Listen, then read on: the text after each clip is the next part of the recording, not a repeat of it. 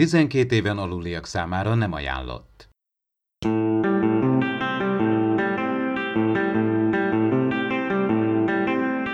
Ez itt az Impulzus Podcast, az űrszekerek Star Trek tematikus epizód kibeszélője.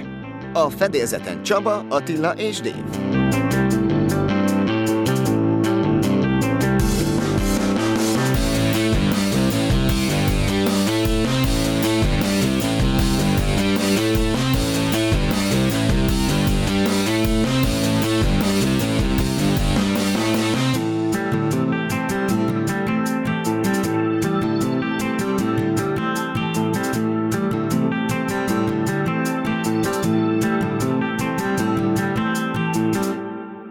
Számos szülinap és évforduló történt meg ezen a héten. Attila, avas be minket a dátumokba.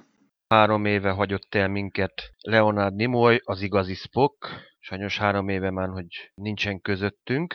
És vannak születésnaposok, Barba Luna, aki a, az eredeti sorozatban szerepelt, és ö, tegnap ünnepelte születésnapját, vagyis pontosabban pénteken Gates McFadden, azaz Dr. Beverly Crusher a Star Trek következő nemzedékekből. Emellett egy futballháború is kitört a héten. Mit kell erről tudni? Tudjuk, a Sir Patrick Stewart is nagy foci rajongó, és azaz Picard kapitány, és természetesen az ő fő tanácsadója, Diana Troy, azaz Marina Sirtis pedig szintén ő a Tottenham Spurnak a nagy rajongója, míg Sir Patrick pedig a Huddersfieldnek és akkor ebből egy ilyen barátságos mérkőzés így kialakult. Ezzel van egyébként el a Twitter, hogy akkor itt tulajdonképpen a Star Trek rajongók két táborra oszlottak, és akkor kiki a kedvenc ének, illetve vannak a kedvenc csapatának kezd el szurkolni. Természetesen egyébként nagyon kulturáltan megy ez a kis futballháború, vértelenül mindenkinek ajánlom figyelmébe, aki a Twitteren is fenn van, nem csak a Facebookon, nyugodtan meg lehet nézni, hogy én kinek szurkolok, azt mindenki tudja szerintem. Mindenki rájöhet. Klingon hajókról készült egy összefoglaló áttekintés az űrszekereken. Attila, ezt te követted el nem csak maguknak a klingonoknak a kinézete változott meg, hanem maguk a hajók is. Ami mondjuk kapcsolódásnak lehet mondani, természetesen Bird of Prey ragadozó madár nélkül nincsen egy valamire való új sorozat. Tehát van egy újfajta Bird of Prey, ami mondjuk nem tudja, hogy mozgatni a szányát, de ez mondjuk tényleg egy hasonló, a, amit klasszikus, amit megszokhattunk. A többi hajó az inkább ott is egy tényleg egy megújulás láthattunk, mert azért akik ismerik a akár még sorozatban a Klingon hajókat, az eleve egy ilyen kézműves típusú hajókat látunk, mint hogyha tényleg így azt mondom, hogy összebarkácsolták volna azért. Látható, hogy a nem sima burkolatú különféle vezetékek, különféle dobozok, meg bármiféle valamilyen érdekesebb ilyen burkolati elemeket láthatunk, sőt, gyakran még gyönyörű rajzokat is egyébként maguknak a hajó burkolaton. Itt inkább azt mondanám, hogy egyfajta a steampunknak és, a, és egyfajta ilyen bio tervezésű hajóknak valamilyen érdekes keverékét láthatjuk. Az a baj egyébként, hogy tényleg miközben a cikket írtam, sajnos nagyon kevés adatot találtam még ezekről a hajókról. A kinézet és néhány, néhány mondat, hogy végül is mire használhatják ezeket, mert van amelyiket például a nagyházak zászlós hajónak használják, vannak köztük rombolók, kisebb-nagyobb állók, egyelőre nagyon kevés róluk az információ. Mondjuk a legnagyobb közöttük természetesen a szarkofághajó, aminek érdekes, tényleg ilyen nagyon barokkos hídja van, hogy amit tényleg előttettől a klingonoknak a klasszikus nyersen funkcionális tervezésétől, amit tényleg mi rajongók nem nagyon tudunk hova tenni, hogy ez most valóban klingon hajó-e, vagy valami korai lesz időkből, vagy valami késői korszakból került ide ez a hajó, mert tudjuk, hogy itt kánonból, az új kánonból, hogy ez Kuvmának az apja találta ezt a hajót, vagy az ő házának volt a birtokában, és ez nagyon sokáig használaton kívül volt, és Kuvma újította fel, és tette röpképessé megint. Erről a hajóról így tulajdonképpen semmit nem tudunk, hogy ez most mikor készült, kik készítették, tehát itt bármi lehetséges, nem csak Klingon eredet. Aki egyébként elolvassa a cikket, azért egy pár érdekességet fel fog fedezni egyébként ezekről a hajókról is.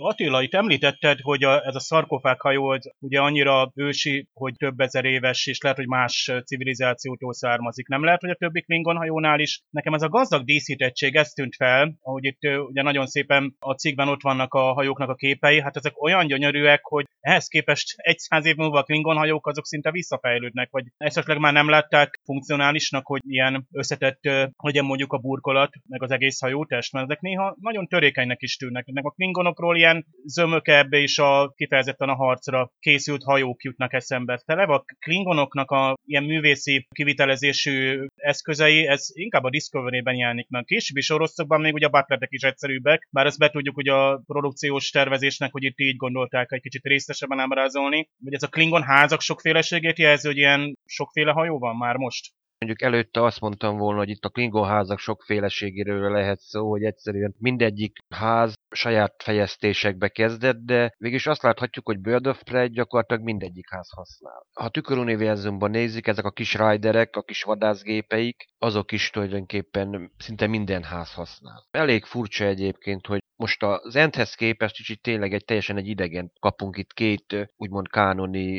hagyományos Klingon hajótípusok között találunk egy teljesen egy új fajtát. Nehéz ezen mondjuk erre logikus magyarázatot adni, hogy ha jól megnézzük, például az Entnél gyakorlatilag visszatervezték a korábbi 100 meg 200 évvel későbbi hajótípusokat, mert azért a Bird of Prey-nek is láthatjuk egy korai változatát, láthatjuk a D7-esnek is, és azért készítettek azért más kisebb-nagyobb hajótípusokat is. Ott tulajdonképpen csak frissítettek. Itt meg egy teljesen egy új hajótípusokat láthatunk. Ez most csak egy egyfajta zsákutca lenne, mert utána esetleg úgy gondolkoznak a készítők, hogy ezután mondjuk a háború, ami után, hogy Lörel végül is újra egyesíti tulajdonképpen a Klingon birodalmat, és akkor esetleg Klingon hajótervezők visszatérnek úgymond a hagyományos formákhoz. Hát ez még egy a jövő zenére, mert ez így tényleg így a kánon kicsit összezavarja.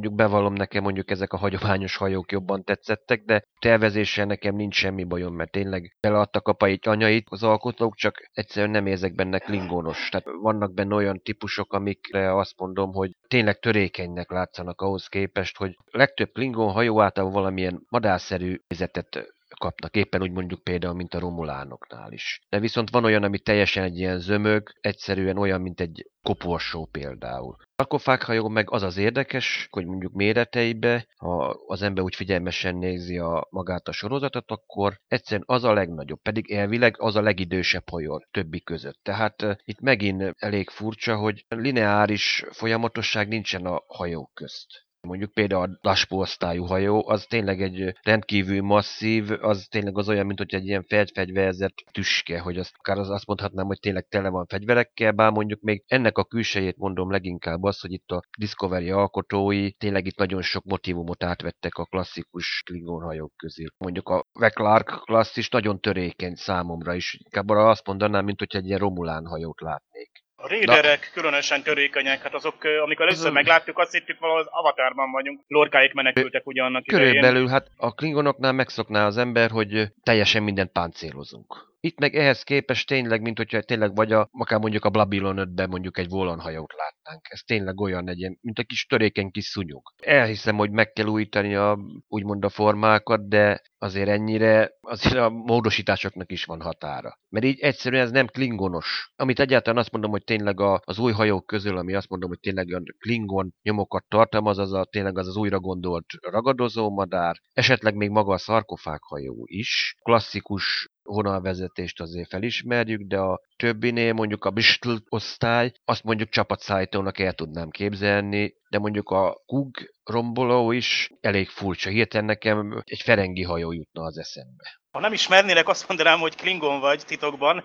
Klingon, embernek átszázott Klingon, mert nagyon jó kis hajóosztály neveket mondasz. Hát most én eljátszottam a gondolattam amúgy menet közben, hogy mi lett volna, ha kiderül, hogy a Körk érában megszokott emberszerű Klingonok is ott léteznek valahol, csak ugye Tökov máék meg meg hát ugye az ő törzsei vagy hozzátartozó házak, azok ugye ennyire elfajzottak, és akkor úgymond ők teljesen másfajta kultúrát, ördözködést, hajót, más célokat követnek, de úgy látszik, hogy a sorozat készítői teljesen máshogy gondolják ezt, és vízik tovább ezeket a klingonokat. Ugye már tudjuk, hogy a Zent száz évvel korábban a vírus gyakorlatilag mindenkit emberszerűvé tett. Hogy mennyire ír az a fajta genetikai változás, hogy most mennyire érintette a teljes népességet, nem tudjuk. Nem tudjuk, hogy most akkor a különböző hajók, különböző kolóniákon nem-e voltak esetleg, akik valamilyen természetes védettséget mutattak az ellen a vírus ellen. Hogy megekapta el minden bolygó. Mert lehet, hogy mondjuk egy bolygó gyorsan karantént jelent be, és se kisebbe, egy hajó se, akkor fölelépni tilos, egy szál, egy diszruptor. Tehát nem tudhatjuk mennyire a elkövetkező generációk alatt mennyire ürül ki a szervezetbe ez a fajta DNS torzulás nehéz itt rájönni, hogy most az alkotók mire gondoltak. Mert lehet, hogy tényleg vannak olyan bolygók, ahol csak ezek a vírus által emberszerűvé tett klingonok élnek, hogy lehet, hogy azokat most per pillanat Kuma által elkezdett egyesítésbe gyakorlatilag őket lenézik, mert hát ők megváltoztak, hiába nem tehetnek róla, ők vagy a szüleik, hogy elkapták a vírust. Nem mondjuk akár ez is benne lehetne, hogy kor, azért láthattuk azért John Colicos, akit játszott, hogy azért ő is azért a TOSZ érába nem sokba különbözik egy embertől, maximum csak a frizurába. Elvileg még most is látnék egyébként nagyon sok érdekes ötlet lehetőséget ahhoz, hogy áthidaljuk most a két sorozatot valahogy elhajoljon az egész történet tulajdonképpen az eredeti sorozat univerzumának az irányába. Ami a Star Trek Discovery-nek veszteség, az úgy tűnik, hogy a The Orville-nek nyereség, hiszen Joe Manoski, aki a Discovery első évadának készítésében közreműködött, most úgy tűnik, hogy az Orville csapatát erősíti. Az egy Joe Manuski például a TNG-ben nagyon jókat írt. És ha nagyon megnézem, mondjuk maga az Orville csapatának a viselkedése is nagyon sokban nem inkább az eredeti sorozatra emlékeztet engem, hanem például a TNG-re. Mercer kapitányt mondjuk nem annyira körköz tudnám hasonlítani, hanem azt mondom, hogy egy körk Riker keverék. Isaac-et, a robotot például egyértelműen Détához tudnám hasonlítani, hogy ugyanúgy csetlik-botlik úgymond az emberi környezetben, és neki ugyanúgy az egész emberi, pontosabban humán társadalmakban, amik történnek, hogy neki is meg kell tanulni, hogy na most az emberek hogy működnek. Mondjuk drukkolok ennek a sorozatnak, hogy működjön, de végre könyörgön, végre szedjék össze ezeket a trekkes veteránokat, eresszék össze a producerekkel, és csináljanak egy tényleg hamisítatlan Star Trek sorozatot. Akár régi szereplőkkel is nem bánom. Nem bánnánk, de addig itt van az Orville, ami remekül pótolja a TNG-nek a hangulatát, és szerintem Joe Manoski nagyszerűen fogott tevékenykedni. Tényleg sajnálhatja a Discovery-nek a, a stábja. Én azért benéztem, hogy a Discovery-ben egy elég emlékeztes résznek az írója, ugye ez a Léte című epizód, ugye ez a szarekes rész, az egy nagyon erős rész volt, de a TNG-ben is, ahogy Attila mondta, ilyen nagyon erős epizódok voltak. Volt ez a Legacy, akkor az End Degree, ugye amikor ugye átalakul a Barclay, az In Theory, az a Détának az a szerelem szerelmes epizódja, a Times Arrow szintén egy nagyon jó dupla rész, a Chase, ami egyik legjobb epizód, amikor ugye ilyen DNS darabokat, maradványokat hajszolunk, hogy kiderüljön, hogy az egész összes humanoid faj az alfa katranásban egy konkrét ilyen ősfajtól származik. A Deep Space Nine-ban a Dramatis Personae, Rivals, Distant Voices, tudjátok, amikor Ciscoék egy, egy lezuhant tisztnő nyomába erednek, aki ilyen időeltódásra kommunikál velük. Nagyon szuper rész. A Voyager-ben nagy dupla epizódokat írt, ugye Futures End időutazós rész, Scorpio, Year of Hell, kiváló rész, Killing Game, ugye a holofedélzeti harogénes második világháborús kaland, Dark Frontier, nagyon erős Borg epizód, Equinox, egyik legerősebb rész Voyager-ben, Unimatrix Zero, tehát utána amúgy Brennan Bragával is együtt dolgozott ő, és hát most már mindketten az Orville-ban vannak, ahogy például ugye David Woodman vagy André Bormanis is, tehát ott az Orville az szépen begyűjtötte azokat a veteránokat, akik ma még annyira aktívak és olyan forrásai lehetnek további kiváló sztoriknak, hogy bizony sajnálhatja a Discovery. Na hát ott egy eleve másik úton indultak el, ebbe bele kell törődni, reméljük, hogy azért ötletesen viszik tovább a Discovery-t is, és az Orville-ben, aminek már egyébként forog a másik évad, az első képeket már is láthatjuk különböző közösségi oldalakon, és hát nagyon várjuk a folytatást. Figyelem! A műsorban spoilerek bukkanhatnak fel. Charlie X általános benyomások. Hát eléggé nehéz volt nézni ezt az epizódot, de minden szekunder szégyen szerintem jó célt szolgált, és a mondandóhoz hozzátett. Bár itt egy tipikus Roddenberry toposzról van szó, ugye amikor látunk valami nagyhatalmú lényt, aki tulajdonképpen egy gyerek, és ez a gyerek tényező és visszatérő elem egy Roddenberry mesében, gondoljunk csak Ouijerre, aki szintén egy gyerek értelmi szintjéhez van hasonlítva, és ezek a lények általában úgy játszanak az Enterprise-szal, mint egy nagyítóval hangyát kínzó gyerek, de itt mégis sikerült egy kicsit változatossá tenni ezt az alapfelállást, méghozzá úgy, hogy ez az epizód ez kőkeményen a serdülőkort, vagy a kamaszkort célozza meg. És szerintem ebben a tekintetben ez egy egyedülálló megközelítés. Hát azt hiszem, hogy nem árulunk el nagy titkot azzal, hogy a, az eredeti sorozatnak a nagy része az ilyen történetekkel lesz tele, amikor ugye istenekről és emberekről fogunk majd beszélni. Tényleg egyébként ez a fajta megközelítés adva van egy fiatal ember, tényleg homo sapiens, és megkapja a képességet, egy szuper képességet, és ezzel most hogy tud élni, visszaélni, ez tényleg egy visszatérő témája egyébként a Star Treknek, mert azért a TNG-be is azért láthattuk azért, amikor Q átadja Rikernek a képességet, vagy pedig a, ott van az igazi Q epizód, ahol egy, egy Q gyerek, egy, egy lány van földi szülők által nevelve, és a közben bontakozik a képessége, csak éppen amikor az Enterprise-ra kerül, akkor Q is előjön, hogy na, lássuk, hogy fejlődött-e. Ez egy tényleg egy klasszikus felállás, hogy mit tudunk kezdeni mi emberek ezzel a képességgel. Ez a mondani való, hogy mennyire tudjuk önös érdekekre használni, vagy pedig tudunk-e valahogy valamelyes kontrollálni, hogy ne mindent akarjunk irányítani, mindent kontrollálni a saját szeszélyünk szerint. Szerintem ez az egyik fő mondani valója magának ennek az epizódnak, ami azt mondom, hogy akár még 50 év elteltével is szerintem még nagyon fontos kérdés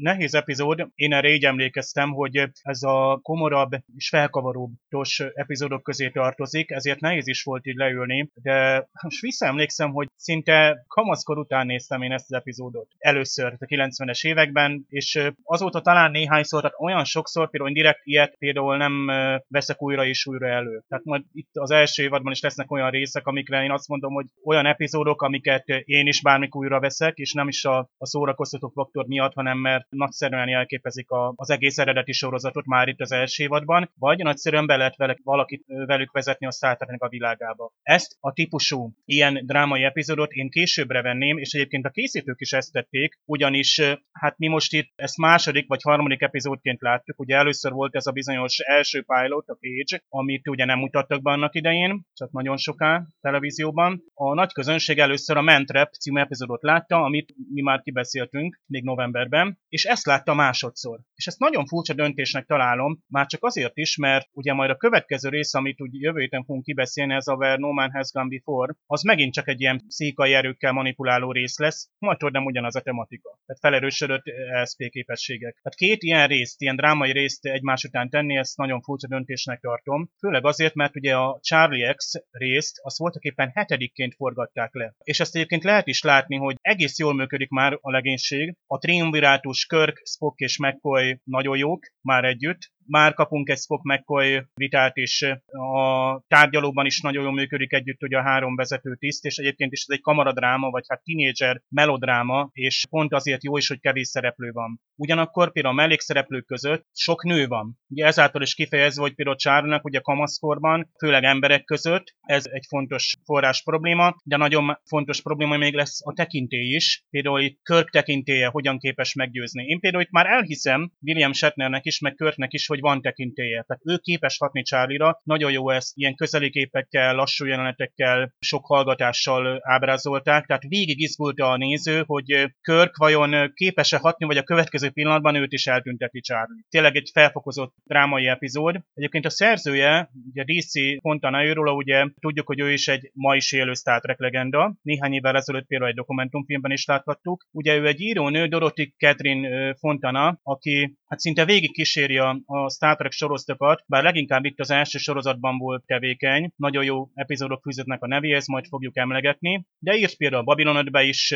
meg a Deep Space Nine-ba is forgatókönyveket, illetve az új nemzedéknek a pilotját is ő írta, meg még néhány epizódot ott az első évadban, de még a videójátékokban is feltűnik a neve, például a Bridge Commander, a Star Trek Legacy videójátéknak, ahogy úgymond a sztoriát írta, ugye ezeknek azért van sztoria is, hogy ezek stratégiai játékok, de hát a New Ages című fansorozatban is írt egy epizódot. Tehát egy nagyon tevékeny írónő. Eredetileg ő, amikor még az eredeti sorozatot készítették, akkor nem derülhetett ki a kreditekből sem, hogy ő egy Pontosan, nő. DC... Ezért volt ugye DC Fontana. Hát bevallom, én magam is nagyon sokáig nem tudtam. Nagyon sokára, tényleg már az internetes korszakban, amikor egy utána nézegettem, hogy látta az ember, például TNG főcégben is látszott, hmm, olyan érdekes neve van, hogy ő ki, és akkor lám kiderül, hogy egy, egy hölgyről van szó, egy 39-es születésű hölgyről, és nagyon örülünk, hogy ő még mindig azért utóbbi években is azért aktív, és sajnos nagyon kevesen vannak már ugye az eredeti sorozatnak a stábjából, tehát ezt mindenképp jó tudni, hogy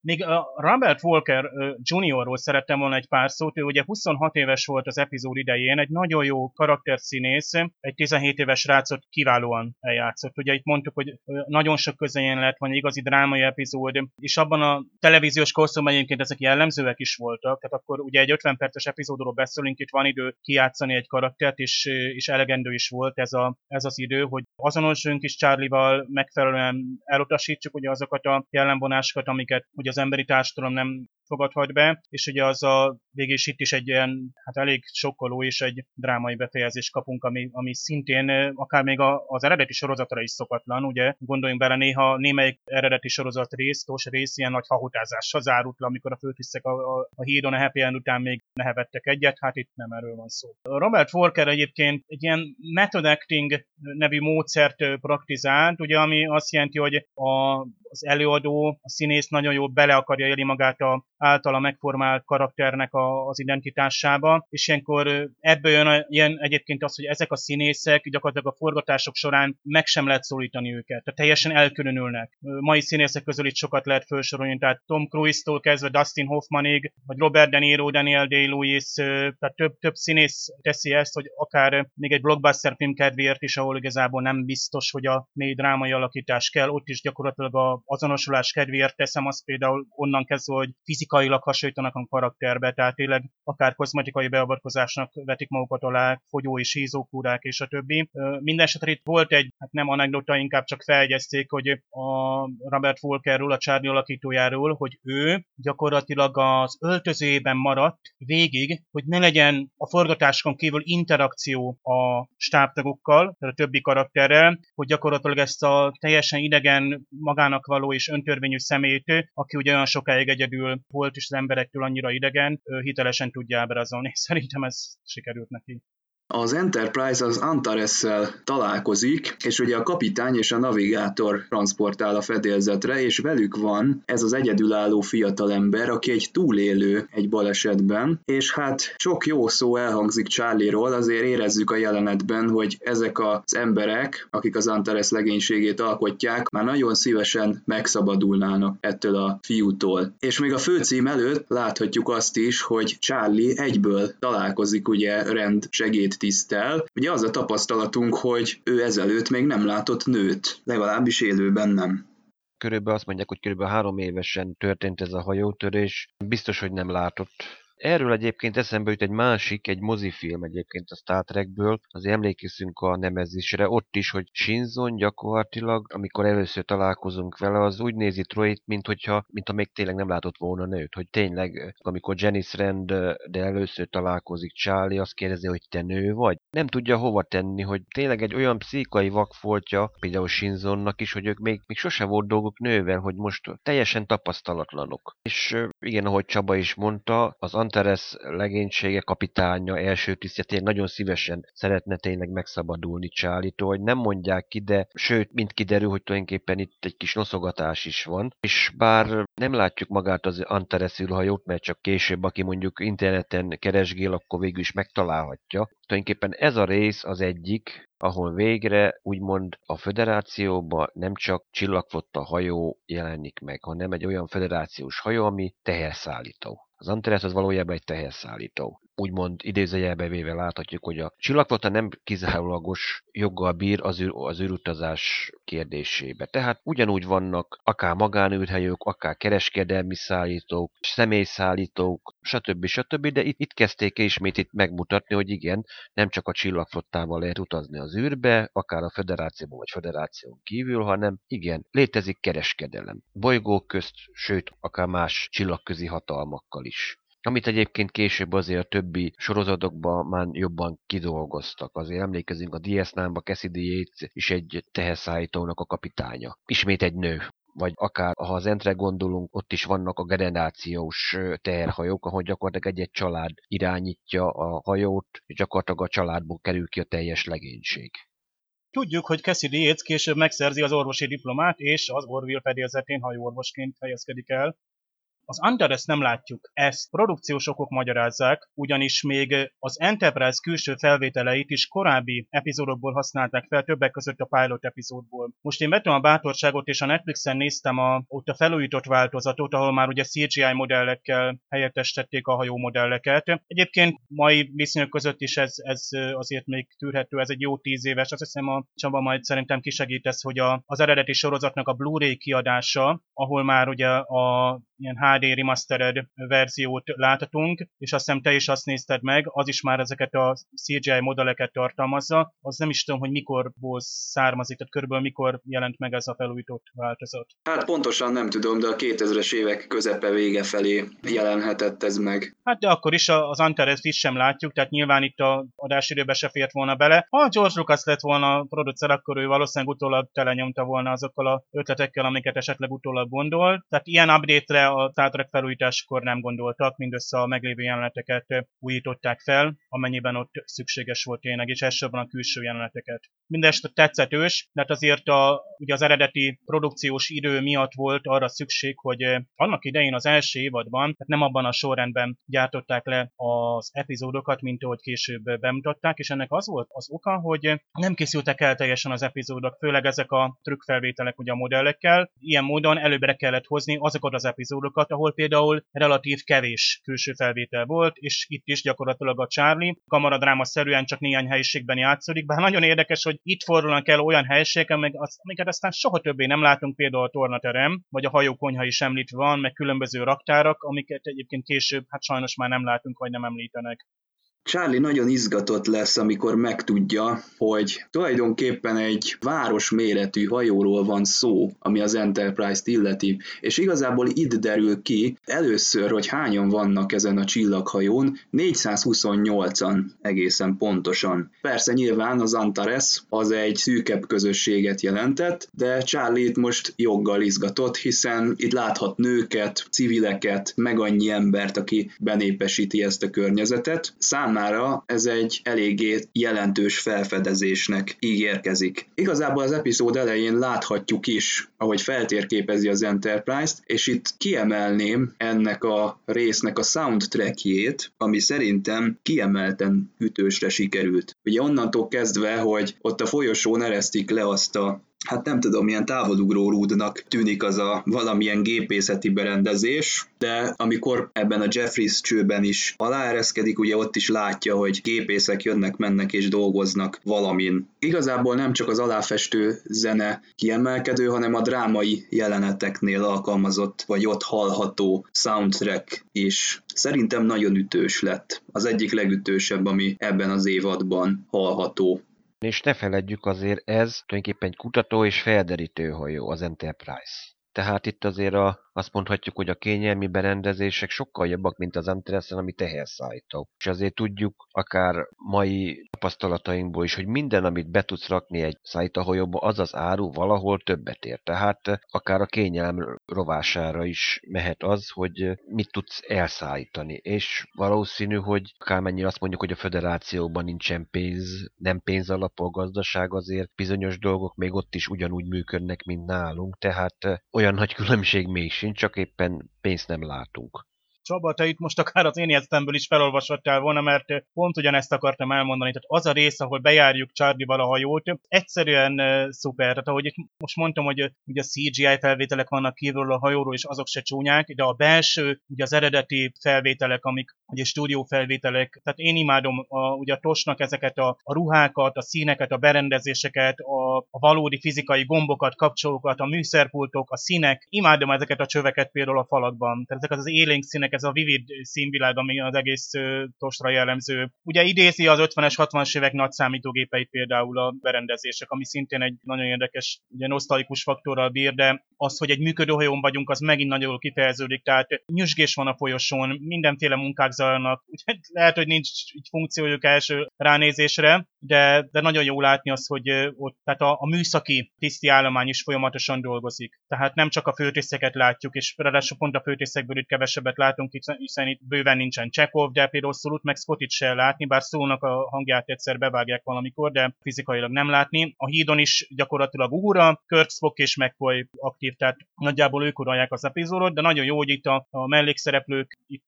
folyamatosan jelen vannak. Nagyon sok csinos nőt látni, ugye a mini ruhák, mini szoknyáknak a, a korszaka ez, de szerintem a hölgynézők se hát maradtak látvány nélkül, ugye gondoljunk körkapitánynak erre a Mikulás piros ilyen stretch vagy cicanadrágjára, azt szerintem valószínűleg annak idején így sokan megőrizték emlékeztükben, talán nem is láttuk többet viszont ugye ezt a tornatermet, ami egyébként azt hiszem a gépházból, és talán az a briefing room, ugye ott az a tárgyalóterem, de nyilván a kör alakú asztal nélkül volt berendezve, vagyis újra hasznosított helyszínek voltak, de ezt a legújabb Star Trek sorozat minden sorozat meg szokta csinálni, és nagyon is ilyenkor nagyon jó tudni, hogy milyen látványos ötletes cseréket hajtottak végre a díszlet tervezők és a berendezők, hogy egy már teljesen másik helyszínt lássunk. Én, én élőnek látom ezeket a helyszíneket, tehát elhiszem, hogy gépházban vagyunk, körkabinjában vagyunk, ott a kabinban ugye látjuk, bekeretez elkezdett valamit, amiben nincsen kép, látunk könyveket, különböző, tehát, mind, tehát ezek apró jellegzetesek, nyilván, hogy még nagyon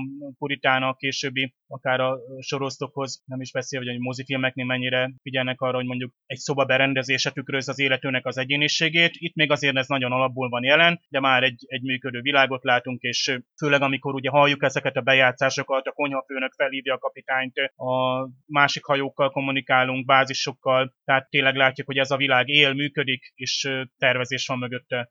A furcsa fiatalember érdeklődése nagyon hamar rend segédtisztre koncentrálódik, és igazából azon kezd el dolgozni, hogy hogyan ódítsa meg szerencsétlen segédtisztet. Ugye eközben a legénység erősen elgondolkodik rajta, hogy mi is a valódi helyzet Charlie-val kapcsolatban. Ugye számba veszik azt, hogy egyáltalán túlélhette-e azt a fajta megpróbáltatást, amin keresztül ment. Ugye itt szóba kerül, hogy volt elég élelem Dr. McCoy és Spock Spock elég erőteljesen összevesznek ezen, és hát persze Dr. McCoy-nak az a javaslata, hogy Charlie-nak kimondottan szüksége lenne egy apa figurára, egy olyanra, mint Kirk kapitány. Hát Kirk kapitány ezt még először nem nagyon szeretné bevállalni, minden adandó alkalommal lepasszolja valakinek Charlie-t. És igazából az eseményeknek a kibontakozásában és a drámának az előre menetelében ez nagy szerepet játszik, hogy talán Charlie Körköt sem tudja úgy megközelíteni, ahogy ahogyan szeretné. Na most itt a jelenetek közben, ahogy mondtad, Dave, vannak népesítve a folyosók, és hát itt van egy ilyen rekreációs, vagy ilyen, ilyen szabadidő terem is, ahol összegyűlnek a tisztek, és mindenféle játékkal játszanak, ugye itt kártyáznak, és még a Spock is itt van, aki egyébként feltűnően sokat mosolyog ebben az epizódban, de ez még nem minden. Eleve itt van ebben a rekreációs szobában, ami már nagyon furcsa. Ugye itt hangolja ezt a furcsa hangszerét, és hát Uhura úgy érzi, hogy a tettek mezejére kellene lépni, és egy, egy énekelőadást kellene címezni Spocknak, és meglepő módon Spock felveszi a kesztyűt, tehát úgy tűnik, mintha kifejezetten örülne is ennek a dolognak, és alájátszik ennek a szituációnak. Tehát mondhatjuk azt, hogy Spocknak a személyisége, bár az előbb ugye mondtuk, hogy ez sorrendben nem a második epizód, hanem a sokadik, de mégis kijelenthetjük, hogy Spocknak a személyisége itt még sokkal emberibb. Cage-ben is láttuk mosolyogni, de itt még mindig olyan emberi ez a megközelítés. Körk valamiért írtózik ettől az apa szereptől. Hozzáteszem, hogy akkor még sehol nincs a Kán haragja azért, majdnem 20 év választ el ettől minket, hogy azért nem tudjuk, hogy közben már szerintem nem lök vele, vele poént, hogy igen, itt a Carol Markusszal volt egy kis rövid kapcsolata a Körknek, és már megszületett David Markus, aki tulajdonképpen a közös gyerekük. Ráadásul Charlie Evans valóban keres egyfajta egy valakit, akire fel is tudna nézni, hogy ő is ingadozik a között, hogy egyrészt Janice Rand tetszik neki, mint első nő, akit meglátott a hajón, de viszont szükségre lenne neki egy példaképre is, mert még hiába azt mondjuk már felnőtt, felnőttes, de viszont még egy gyerek, és gyakorlatilag egy, kellene neki egy példakép. Ez a Spocknak az a rögtönzött koncertje az étkezőbe egyébként nagyon érdekes, mert tulajdonképpen az internet térhódításán tudtuk meg, hogy a színész, aki Spockot játszotta, az is igen, volt saját zenekara is, tehát ő valóban szívesen zenélt gitáron is, aki eldobolt. Nagyon egy sokoldalú emberről beszélünk, aki később egyébként maga is rendezett egyébként filmeket, komoly hangvételűeket is. Valóban egyébként értett így különféle hangszereket, és látjuk ezt a vulkáni lantot, vagy nem tudom ennek pontosan most mi a neve, de majd utána nézek, ígérem. Érdekes, hogy tényleg itt Uhura is bejön, és igen, énekel. Valószínűleg ez inspirálta tulajdonképpen a Kelvin filmek első részét is, ahol Pok és Uhura viszonyát azért megpróbálták tovább gondolni, átgondolni. Szikrázott a levegő Spock és Uhura köz. Érdekes mondani, hogy tényleg egy félig idegen, félig földi ember és egy színesbőrű afroamerikai nő között, ami megint abba az időszakba furcsán hatott, azért 60-as években vagyunk, azért még Martin Luther King és a polgári mozgalom azért még komolyan hadakoznia kell, hogy igen, minden ember egyenlő legyen, még akár Amerikába is. De egy érdekes színfot, egy ismét egy ilyen kikacsintás így a akkori hatalom felé, hogy hoppá, nem mindig lesz minden úgy, nem minden változatlan, minden változik. A társalgó jelenetei nagyon emlékezetesek, főleg azért, mert később is szinte minden Star Trek sorozatban a nézők kedvenc helyszíne a promenád, valamelyik bár, mondjuk a Deep Space Nine-ban Quark bárja, a Ten Forward az Enterprise D fedélzetén, ugye Voyager-ben ott az étkezde egyszerűen, tehát ezek a közösségi terek nagyon jól megmutatják, hogy az is egy működő világ, tehát a 23. század is, ott is a tisztek szórakoznak a szolgálat után. Sokszor kérdezik magunktól, hogy milyen a Földön az élet abban a 23.-24. században, amit Rodemberi elképzel. Ugye sokkal nemesebb emberi eszményt állít elénk, ahol már talán a szórakozás is fejlettebb, de itt látjuk, hogy teljesen ugye, hétköznapi módon kártyázással, énekléssel megy az idő, és a tisztek szórakoztatják egymást. Ugye Leonard Nimoy estében tényleg nem csodálkozunk tudva a gitáros meg énekes múltjáról, de Nishan Nichols szép énekhangját is itt tudták gyakorlatilag először így megmutatni. És először azonban az volt a terv, hogy az Uhura az egy pantomimet adott volna elő, amiben a, a Spockot és más tiszteket tehát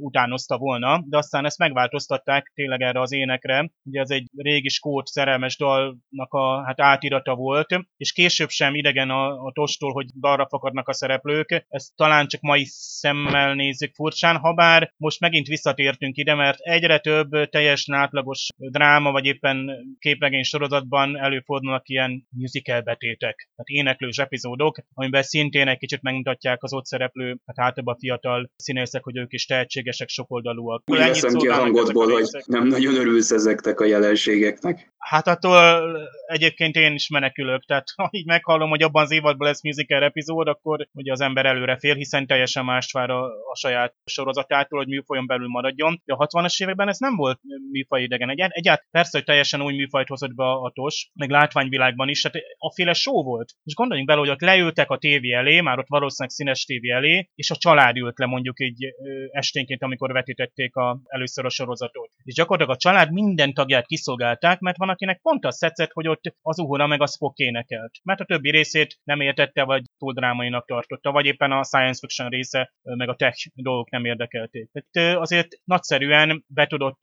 illeszkedni az akkori néző elvárásokba, hogy annak idején ugye mondogattuk is, hogy a féle űrvesztent tervezett a Rodemberi, de itt mondhatjuk, hogy egész sok más műfaj, tehát ilyen reviszerű elemek is vannak más epizódokban is, amelyek Star Trek-től amúgy most már idegenek, de akkoriban megtaláltak a helyüket. Meg tényleg hozzájárult ahhoz, hogy megadta az illúziát annak, hogy ez egy élő színes világ. Ugye a magyar nézők már azért a 90-es években jutottak hozzá az eredeti sorozathoz, akkor már nem volt például az, hogy ilyen szép színek vannak mondjuk egy, egy sorozatban, de ha mondjuk valaki például ezt a 70-es években látta volna, és netán színesben, ugye 70-es években a moziban láttunk inkább színes, vagy láttak az emberek színes filmeket, otthon fekete-fehér tévék voltak, az utcán szögletes autóbuszok, trabantok száguldoztak, a, a tévében ugye a egyszál televízióban ott mondjuk szovjet politikusok beszéltek, időnként hetente volt egy-egy film, és akkor ha valaki aki elment mondjuk a moziba 1977-ben, és mondjuk meglátta színesben a Star Wars, mondjuk azt nem 77-ben mutatták be nálunk, hanem azt hiszem 79-80, de akkor biztos, hogy a székhez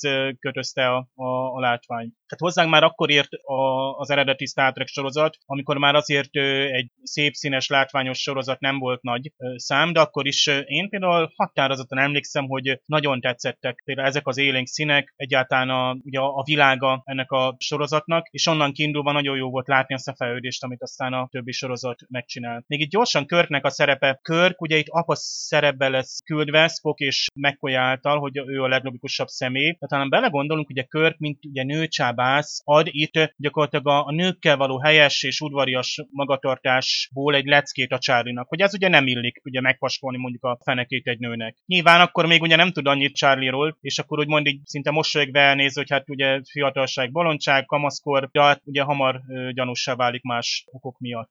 Igen, egyre jobban sokasodnak azok a jelek, amik kifejezetten aggasztóak lesznek Charlie-val kapcsolatban. Itt ugye hálaadáshoz közeledünk, és az eredeti angol verzióban úgy ugye fasírtot készít a főszakács, és abból aztán valahogy valamilyen módon pulyka lesz. Ezzel először csak poénkodik a Körk, de aztán valóra válik. Ugye van egy következő pont, amikor megsemmisül az Antares, és ezzel kapcsolatban is Charlie olyan dolgokat mond, amik felkeltik Körk kapitány és a legénység figyelmét. Aztán itt van ugye az az ominózus jelenet, amikor Körk megint csak ugye, lerázza Charlie-t és átadja Spocknak, Egyébként az ezelőtt lejátszódó jelenet, amikor még csak Körk és Spock játszik, az nem az utolsó precedens a sorozatban, illetve a Star Trekben, hogy egy, egy logikus megközelítést, egy emberi attitűd győz le 3 d sakban. Itt a TNG Conundrum című epizódjában például Diana Troy győzi le ugyanígy Détát, és hát ott ugye Déta a beígért italt szolgáltatja be cserébe a tanácsadónőnek,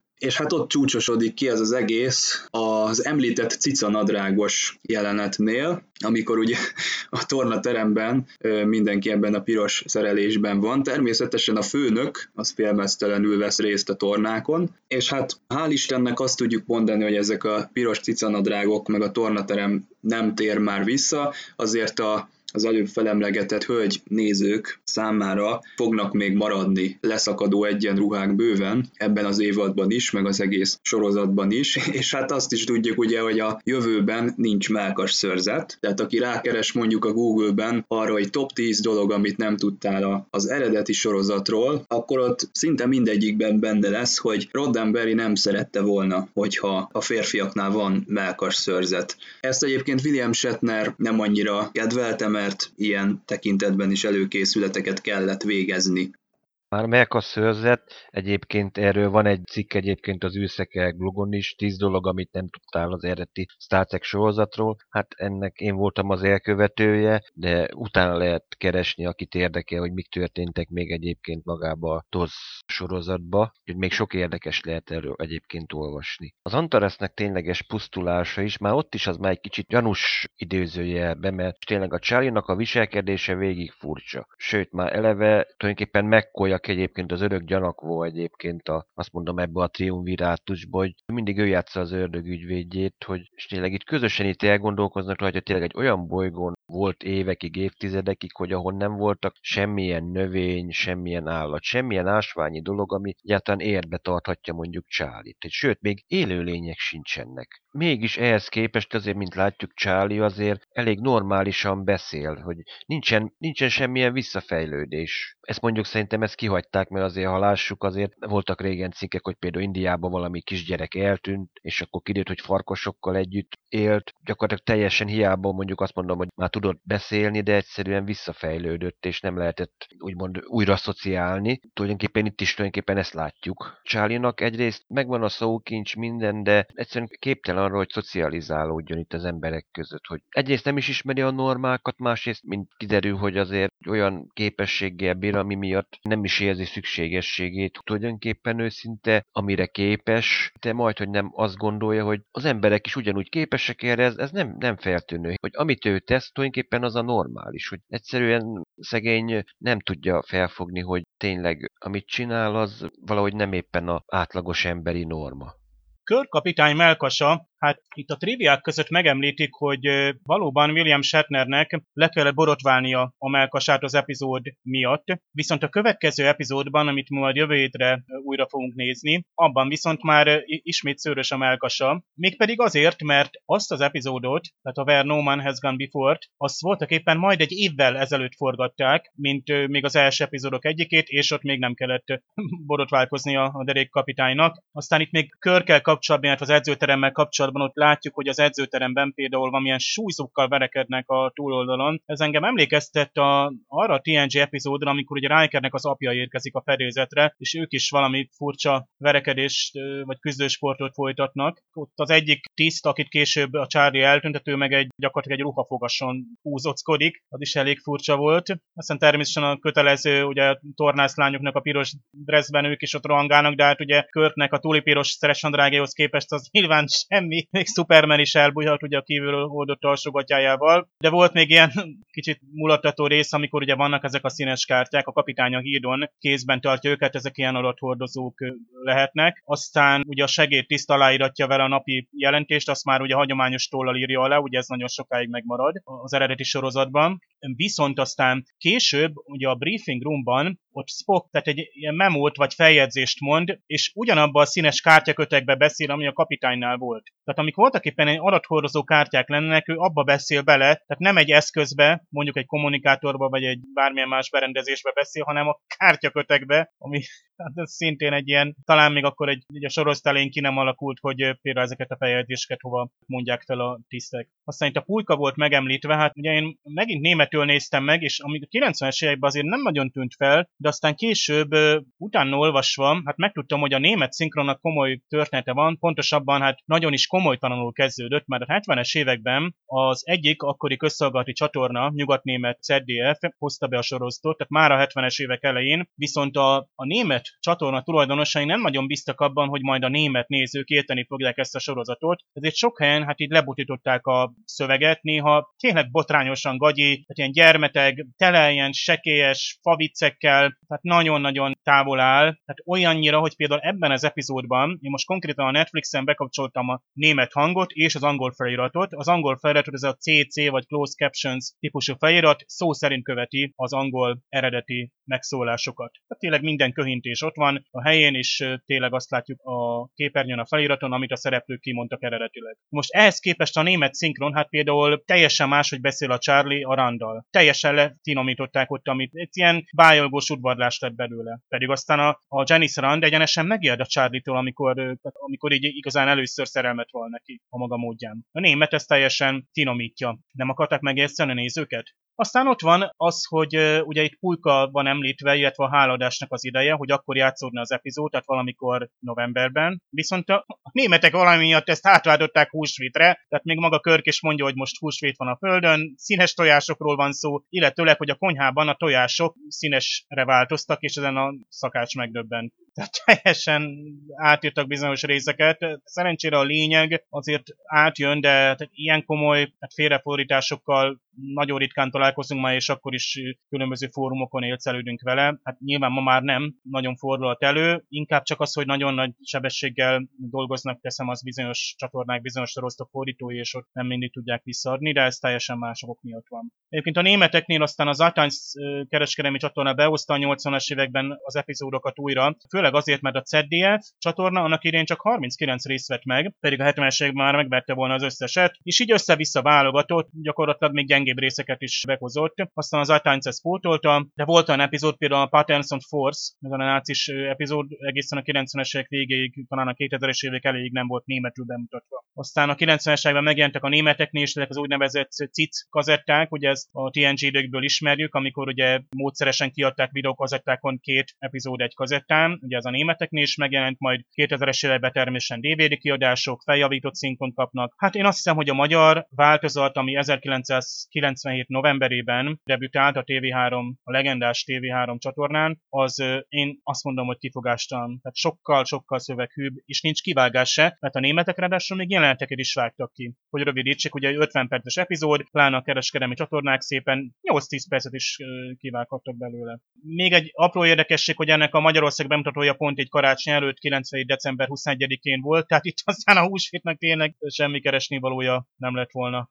Igazi drámai fordulópont, amikor a torna teremben megtörténik a hát nevető tisztnek az eltüntetése, itt válik világossá, hogy Charlie-val valamit kezdeni kell. Ugye a szokásos megbeszélések ilyenkor összeállnak, és megy a fejvakarás, hogy hát most mi legyen. Ugye, hogyha így fejlődik tovább ez a szituáció, akkor előbb-utóbb el fog pusztulni ez a legénység, tehát itt padhelyzet alakul ki, vagy Charlie, vagy a legénység. Az egyensúlyi helyzetet azt tartja föl, fönt, hogy vajon Kirk kapitány meddig képes a tekintélyével Charlie-t irányítani és kontrollálni, és megfékezni attól, hogy teljesen elszabaduljon a pokol. Ebben a jelenetben is láthatjuk, hogy Charlie szociális fejlettsége sajnos önhibáján kívül mennyire minimális, hogy egyszerűen nem tudja értékelni, a, hogyan kell kezelni egy, egy humoros jelenetet. Nem tudja megkülönböztetni az érzelmeket egyszerűen, hogy most egy tréfát a gúnytól, az iróniától képtelen, mert ő ilyet sose tapasztalt. Ő eleve ellenségesen kezeli, mert negatív érzelemnek fogja fel azt, amit a odatiszt csinál, és tényleg használja a hatalmát és emiatt tényleg a tisztikarnak össze kell jönni, és akkor meg kell, hogy mit, mit, mit kezdünk Csálival, mert tényleg egy időzített bomba szegény. Szóval nincsen semmilyen tapasztalata, és mintha azt mondom, egy olyan állatot fognánk be, ami az előtt emberekkel nem találkozott és nem tudjuk, hogy most akkor megsimogatom most, vagy megharap, vagy, vagy pedig akkor tényleg örülni fog annak. Tehát komoly kérdés, még most is, hogy hogyan viselkedjünk egy gyakorlatilag idegen, nem? Mert gyakorlatilag Charlie hiába emberként néz ki, mégiscsak egy idegen, idegenné vált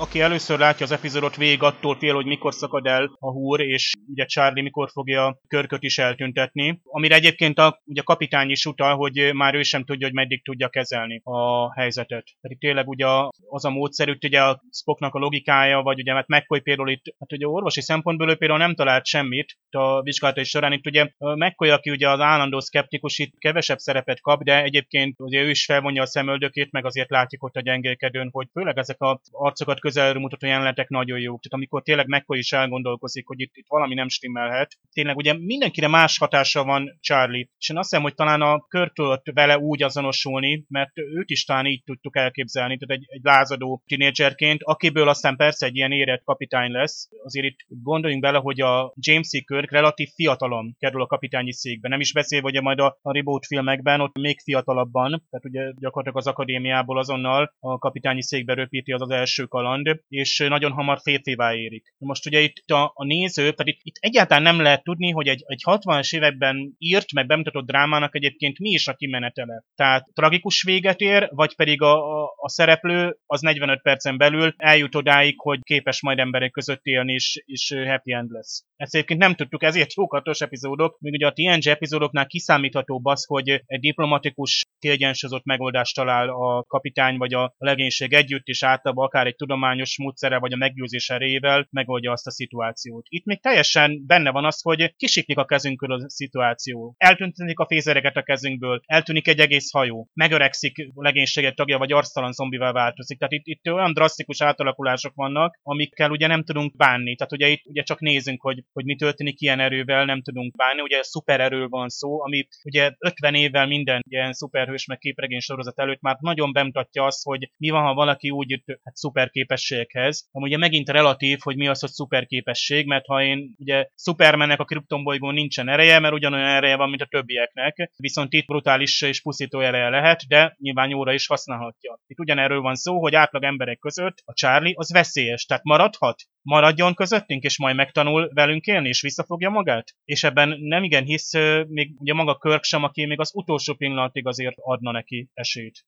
Hát igen, és az utolsó pillanatban, ugye a megoldás az az, hogy le kell kötni Charlie-nak a figyelmét, ekkor nem marad elég koncentrációja ahhoz, hogy a szupererejét használja. Ugye, miután ez megtörténik, megjelenik egy lebegő fej, egy nagy zöld fej formájában, a tásziai képviselő, aki mindenről lerántja a leplet. Ugye ők voltak azok, akik beavatkoztak, annak érdekében tették ezt, hogy szerencsétlen fiú túlélje ezeket a körülményeket. Ez azonban úgy tűnik, hogy ez az erő nem vehető el tőle. Tehát nem olyan, mint egy kú, akitől mondjuk csettintésre meg tudja vonni a kontinúm az ő képességeit. Neki ezzel együtt kell élnie. Hát ez viszont ugye visszavezet minket az örök dilemmához, hogy be tudna-e illeszkedni így az emberek közé. Mi a tásziaiak sokkal kompromisszummentesebben állnak ehhez a kérdéshez. Nem is érdemes megpróbálkozni ezzel, mert mindenképpen az lesz a vége, hogy vagy ő, vagy az emberek. Superman az 1938, Amerika kapitány pedig 1940-ben volt az első ilyen Marvel képregénybe szerepelt, tehát tulajdonképpen már Superman csak egyelőre mozifilmbe, vagy egész estés filmben nem szerepeltek. De már a képregény kultusz ugyanúgy megvolt, csak Roddenberry nem akart úgymond ténylegesen főszereplőnek beállítani olyan személyeket, akik varázslók, vagy olyan Superman, hogy csak csettint egyet, és akkor már minden meg van oldva. Ő valódi embereket akart, akiknek valamivel fejlettebbek nálunk, de azért mégis azért emberien tudják megoldani a problémákat. Tázisziak esetében, mint kiderül, hogy akkor az a bolygó, amint tulajdonképpen Charlie-nak a zűrhajója szerencsétlenséget szenvedett, hiába biológiai életet nem hordoz, valójában lakott egy olyan faj, amely gyakorlatilag már túl van azon a fajta életen, amit mi definiálunk, akár biológiai tankönyvekbe, vagy akár egy irodalmi műbe. Ők tényleg itt az anyagot energiává tudják alakítani, vagy, mint ahogy láthattuk, hogy eltünteti az embereket Charlie, hogy valahova máshova eltünteti, hogy vagy egy másik dimenzióba, másik univerzumba, vagy egy másik dimenzióba, de valahova eltünteti. Tehát egy olyan képesség, amit ők időközben kifejezhettek, de ezek szerint az emberek is képesek lennének elsajátítani. Ha nem is kiúg, de egy hasonló fejlődési vonalat láthatunk. Eddig mondjuk még érdekes, hogy például a hidon túlterheljük tulajdonképpen az érzékeit az agyát Csálinak, hogy egyszerre minden nem tud irányítani. Mert az már akkor a varás jelent neki, hogy képtelen rá. Például érdekes módon a nők agya egyszerre négyféle tevékenységre képes koncentrálni, míg a férfiak 90%-a egyszer csak egy dologra.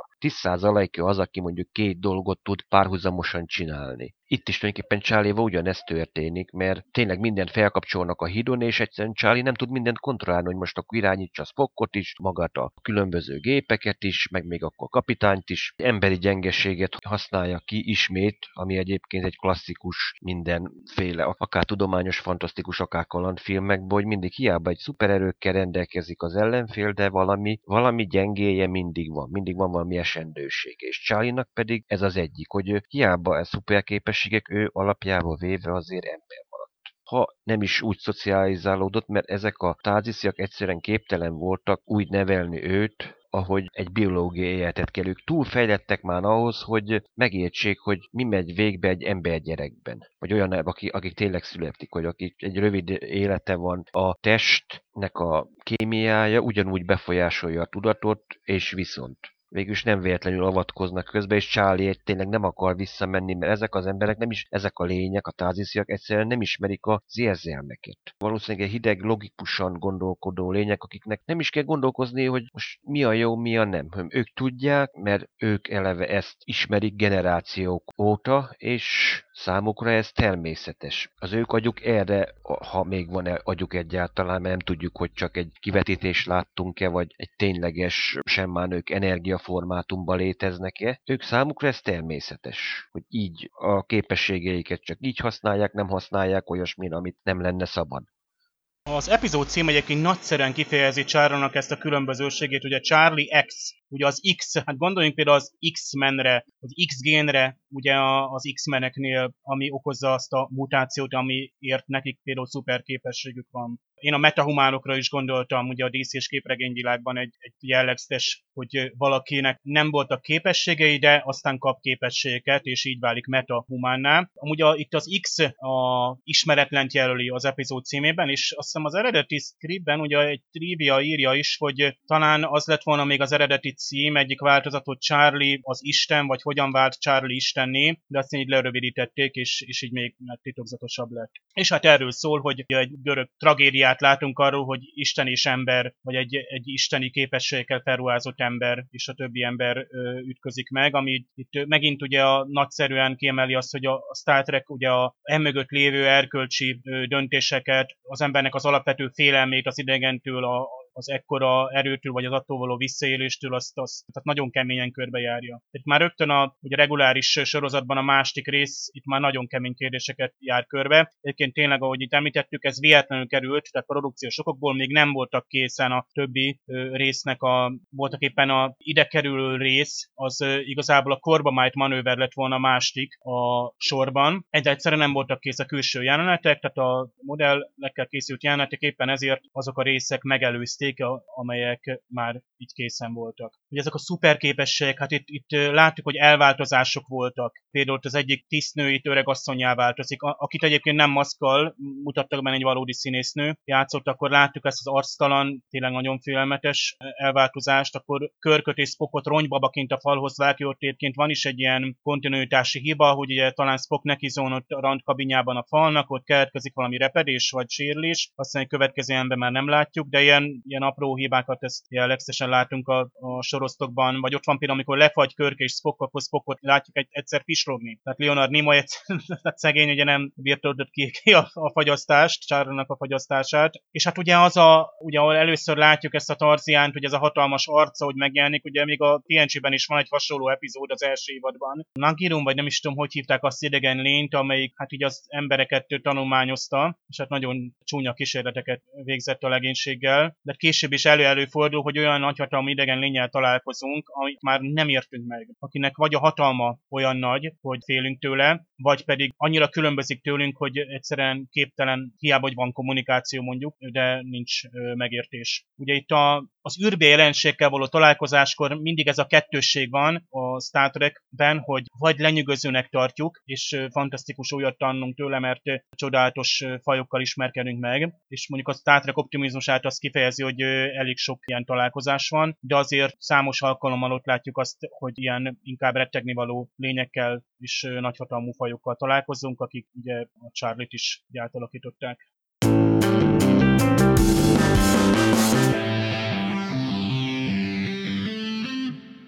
Egy kicsit ezek miatt a kínos kamaszkori jelenetek miatt tartottam a megtekintéstől, de meg kell, hogy mondjam, zseniális lett az összkép. A dráma az nagyon jó ütemben lett kibontva, az említett nagyszerű soundtrack nagyon jól hangsúlyozza ezeket a drámai fordulatokat, élni kell tudni, és nem visszaélni. Kell egy bizonyos fejlettség, kell egy bizonyos tapasztalat, kell egy bizonyos elkölcsi tartás, ami egyáltalán képes legyen arra, hogy jóra használt fel, ne rosszra. A látványvilág meg tényleg azzal sincsen semmi baj, hát sokszor tényleg az ember megkapja, hogy ó, hát annak idején milyen gagyik voltak a díszletek, meg egyebek, na de ha megnézzük, azért akkoriban nem voltak kompjútertrükkök, egyebek, de hát nem is ez a lényeg. Régen nem voltak mobiltelefonok, számítógépek, tényleg minden papíron működött, és mégis működtek a civilizációk. Nem volt az, hogy most egy, egy másodperc, egy kattintással a világ túlfelén küldhetek bármit. Tehát ugyanez egyébként a filmeknél is nem mindig né- azt nézzük, hogy milyen filmtrükk van benne. Nézzük végre az emberi mondani valót is. Jó, 21. század, ahol fel van pörögve a világ, az ember vizuális élményekre van rákoncentrálva, de akkor is. Ez is egy olyan epizód, amit érdemes végignézni, és utána elgondolkozni